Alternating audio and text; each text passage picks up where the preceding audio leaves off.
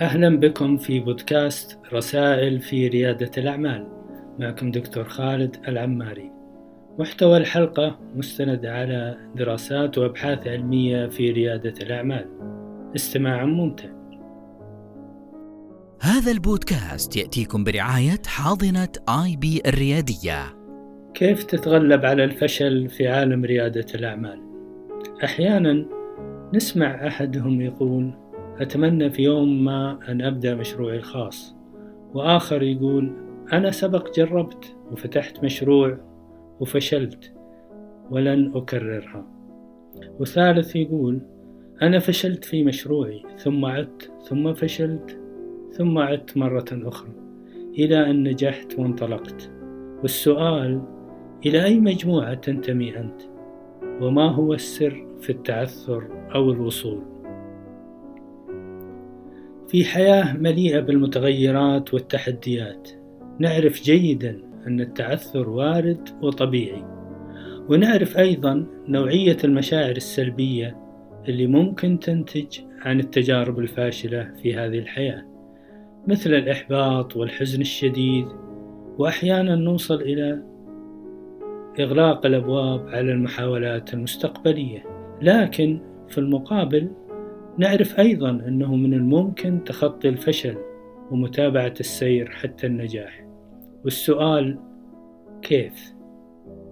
الأبحاث والدراسات في ريادة الأعمال حاولت تعرف العوامل اللي تساعد بشكل كبير على النجاح واستندت إلى نظرية في السلوك الإنساني تقول أن الإنسان ممكن يقدم على عمل معين وينجح فيه في حال توفرت ثلاث عوامل مهمة. أولها الدافعية أو الحماس وثانيها وجود الفرصة الحقيقية وثالثها امتلاك القدرات والمهارات للقيام بالفعل. يعني إذا توفرت هذه العوامل الثلاثة تكون نسبة نجاحك في هذا الفعل أعلى من غيرك. بعدها أضافت الدراسات والأبحاث عامل رابع مهم وهو قناعتك عن نفسك وقدراتك وإمكانياتك هل تعتقد في داخلك أنك فعلا قادر على الإقدام والنجاح في هذا الأمر؟ لو رجعنا إلى المجموعات الثلاثة اللي ذكرناها عشان نحاول نعرف السر وراء الإقدام أو الإحجام الإصرار أو الاستسلام التوقف عن المحاولة أو الاستمرارية في عالم ريادة الأعمال. ممكن نقول أن المجموعة الأولى اللي ما زالت تتمنى البدء في العمل الحر ولم تبدأ نهائيا يكون ذلك بسبب قناعات عن نفسها وإمكانياتها أو السبب أنها لا تملك الدافعية أو الحماس الكافي لذلك أو غير قادرة على تحديد الفرص الحقيقية في السوق اللازمة لنجاح المشاريع التجارية. أما المجموعة الثانية اللي بدأت وفشلت ثم قررت عدم العودة نهائيا إلى طريق ريادة الأعمال فمن الممكن أن يكون الفشل بسبب أن الفرصة لم تكن حقيقية فعلا يعني دخول عالم ريادة الأعمال تم بدون دراسة بدون دراسة تبين لنا أن فكرة المشروع هي فرصة حقيقية وليست تقليدية أو ما كان حماسهم ودافعيتهم للنجاح بالمستوى المطلوب اللي يجعلهم يواصلون المسير بعد الفشل. أو كان فيه نقص في المهارات والقدرات أثر بشكل كبير على استمرارية المشروع. ومن أمثلة ذلك عدم الاهتمام بالأمور المحاسبية والمالية والتسويقية أو الجودة وغيرها.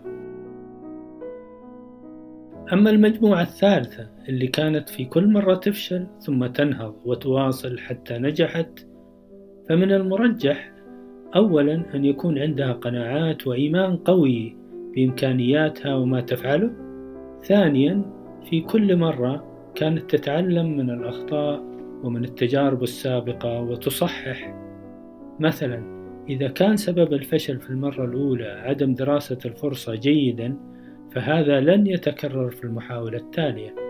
وإذا كان سبب الفشل هو عدم وجود مهارات التسويق أو المبيعات أو المالية أو خدمات ما بعد البيع فهذا السبب لن يتكرر مرة أخرى.